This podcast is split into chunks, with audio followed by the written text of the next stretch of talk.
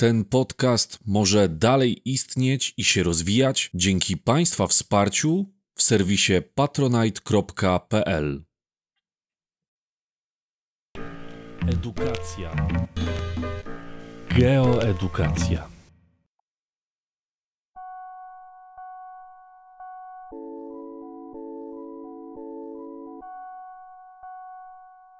Bliski Wschód. Kultura i gospodarka. Bliski Wschód jest to region, który leży na pograniczu trzech kontynentów: Europy, Afryki oraz Azji. Przy czym zdecydowanie największa część tego obszaru leży na kontynencie azjatyckim. Zaliczamy do niego 16 państw, jeżeli wliczymy tutaj autonomię palestyńską. Wśród najważniejszych krajów tego regionu należałoby wymienić Arabię Saudyjską, Irak, Iran, Egipt, znajdujący się już w Afryce, czy Turcję, której część leży już w Europie. Jest to region, którego jedną z cech charakterystycznych będzie bardzo surowy klimat, który będzie się przejawiał po pierwsze wysokimi temperaturami, które latem osiągają wartości 40 stopni Celsjusza, oraz bardzo niewielkimi opadami. Efektem tych dwóch elementów klimatu będą pustynie, które występują na bardzo dużej części tego obszaru, a największą z nich będzie pustynia arabska, znajdująca się na Półwyspie Arabskim. Na Bliskim Wschodzie mieszka około 400 milionów osób, przy czym rozmieszczenie tej ludności jest bardzo zróżnicowane. Niewielka gęstość zaludnienia będzie występować na przykład na wspomnianej wcześniej pustyni arabskiej czy we wschodniej części Iranu. Z kolei delta Nilu będzie bardzo gęsto zaludnionym obszarem porównaniu do pozostałej części Egiptu. Gęsto zaludnione będą także wybrzeża Morza Śródziemnego. Wśród osób zamieszkujących ten teren aż 95% z nich stanowią muzułmanie, a więc wyznawcy religii, która nazywa się islam. Islam to religia, która powstała w VII wieku naszej ery i wywodzi się z judaizmu oraz z chrześcijaństwa. Wszystkie te trzy religie tak naprawdę powstały na Bliskim Wschodzie. Najstarszą z nich jest judaizm, który powstał ponad tysiąc lat przed naszą erą. Powstanie chrześcijaństwa datujemy na pierwszy wiek naszej ery, z kolei islam, tak jak powiedziałem, siódmy wiek naszej ery. Wszystkie te trzy religie są religiami monoteistycznymi, a niektóre ich elementy się wzajemnie przenikają.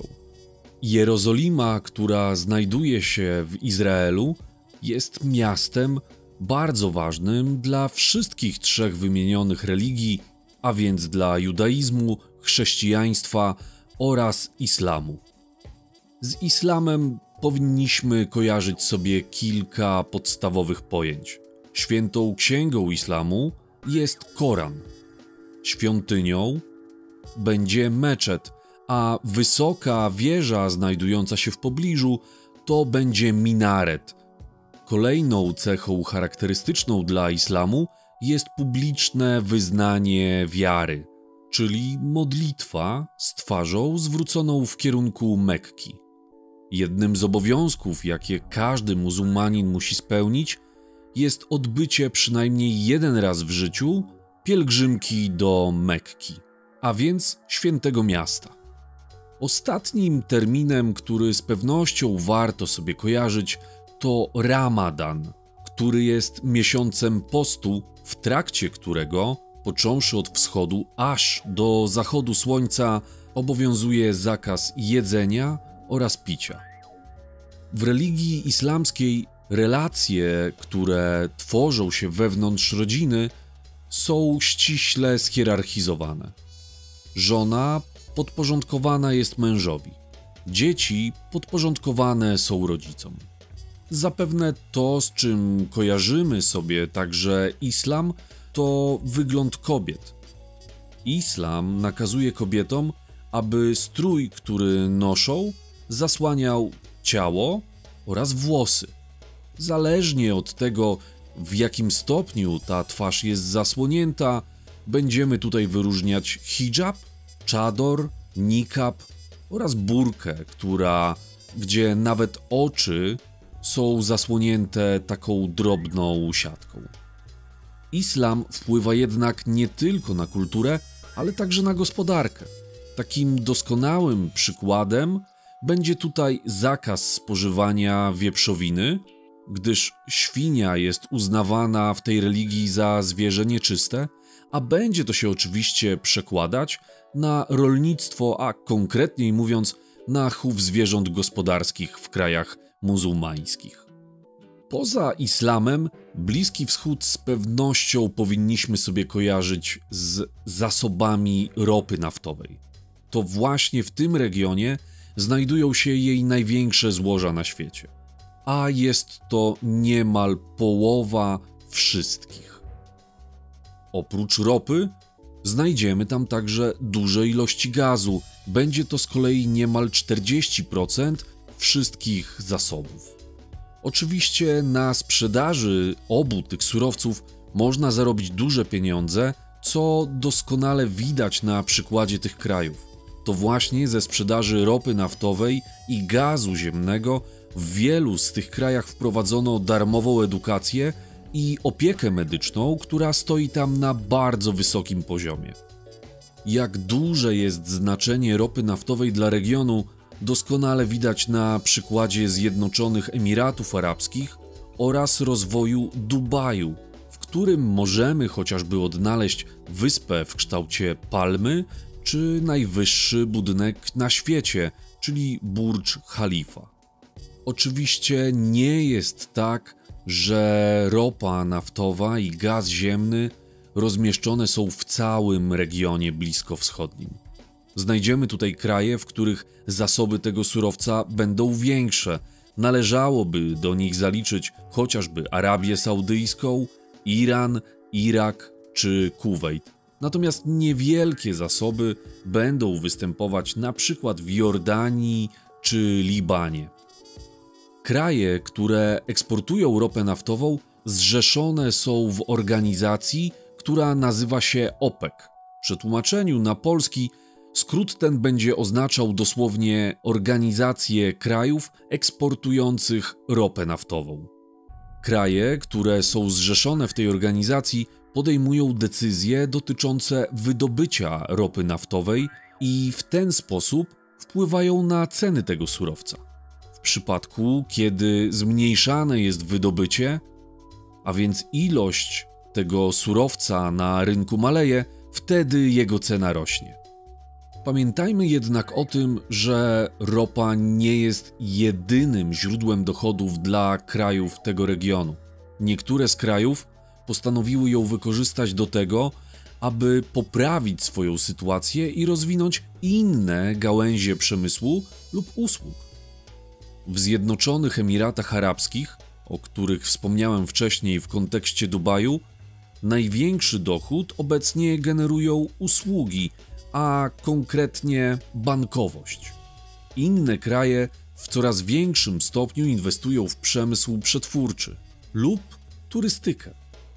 Jeżeli pamiętamy o niekorzystnych warunkach przyrodniczych na zdecydowanej większości tego obszaru, to zdajemy sobie sprawę z pewnością, że przy wysokich temperaturach i niewielkich opadach bardzo małe szanse na rozwój ma rolnictwo.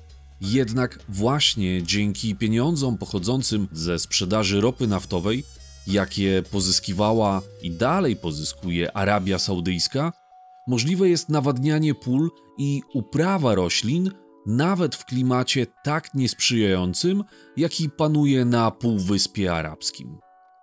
Znajdziemy tam takie bardzo charakterystyczne pola w kształcie okręgów, ponieważ właśnie po okręgu przemieszczają się ramiona, które nawadniają dane pole. Te pola widać chociażby na zdjęciach satelitarnych widocznych w Google Maps. Bliski Wschód powinniśmy jednak kojarzyć sobie także z konfliktami zbrojnymi. Pomimo tego, że 95% ludności są to wyznawcy islamu, to jednak jest to region bardzo mocno targany konfliktami. Islam nie jest jednorodną religią. Tak samo jak w zakres chrześcijaństwa wchodzi chociażby religia rzymskokatolicka i protestantyzm, tak samo islam moglibyśmy w najprostszy sposób podzielić na szyitów i sunnitów. Dodatkowo jest to region, w którym ścierają się wpływy także innych państw spoza tego regionu. W efekcie możemy obserwować wiele toczących się tam konfliktów. Do najbardziej znanych należy z pewnością zaliczyć konflikt izraelsko-arabski, który trwa niemal nieprzerwanie od 1948 roku. Innym bardzo ważnym konfliktem była wojna w Iraku. Irak toczył kilka wojen, ostatnia rozpoczęła się w 2003 roku, której efektem było obalenie reżimu Saddama Husajna. W 2011 roku z kolei w Syrii doszło do wojny domowej i próby obalenia prezydenta tego kraju. W trakcie samej wojny domowej udokumentowano kilka przypadków użycia broni chemicznej. Niestabilna sytuacja na pograniczu dwóch wspomnianych wcześniej krajów, a więc Iraku i Syrii, stworzyła dogodną sytuację dla islamskich fundamentalistów, i to właśnie na tym obszarze powstało państwo islamskie, które z kolei odpowiadało za ataki terrorystyczne, które miały miejsce w Europie. Widzimy więc na tym przykładzie doskonale, że niestabilna sytuacja polityczna w zupełnie innej części świata, w której my żyjemy, może jednak prowadzić do zagrożeń dla naszego regionu. Efektem konfliktów zbrojnych, które toczą się na Bliskim Wschodzie, nie będą jednak tylko zamachy terrorystyczne, które mogą się wydarzyć w Europie, czy zniszczenia materialne i śmierć cywilów na obszarach, na których toczą się konflikty. Wielu ludzi decyduje się na porzucenie własnych domów i ucieczkę z tych regionów do tych części świata, w których jest bezpieczniej. Efektem przemian na Bliskim Wschodzie, jakie miały miejsce w latach 2011-2013, które zostały później nazwane arabską wiosną, była masowa emigracja z tego regionu i napływ ludności do Europy. Szacunki mówią o tym, że do Europy w 2015 roku trafiło blisko 2 miliony osób. Niestabilność tego regionu ma przełożenie także na nasze portfele. Skoro wspomnieliśmy wcześniej, że jest to główny region, w którym wydobywana jest ropa naftowa, to niestabilna sytuacja polityczna w tej części świata będzie się również przekładać na ceny ropy naftowej, a te z pewnością odczujemy w naszych portfelach.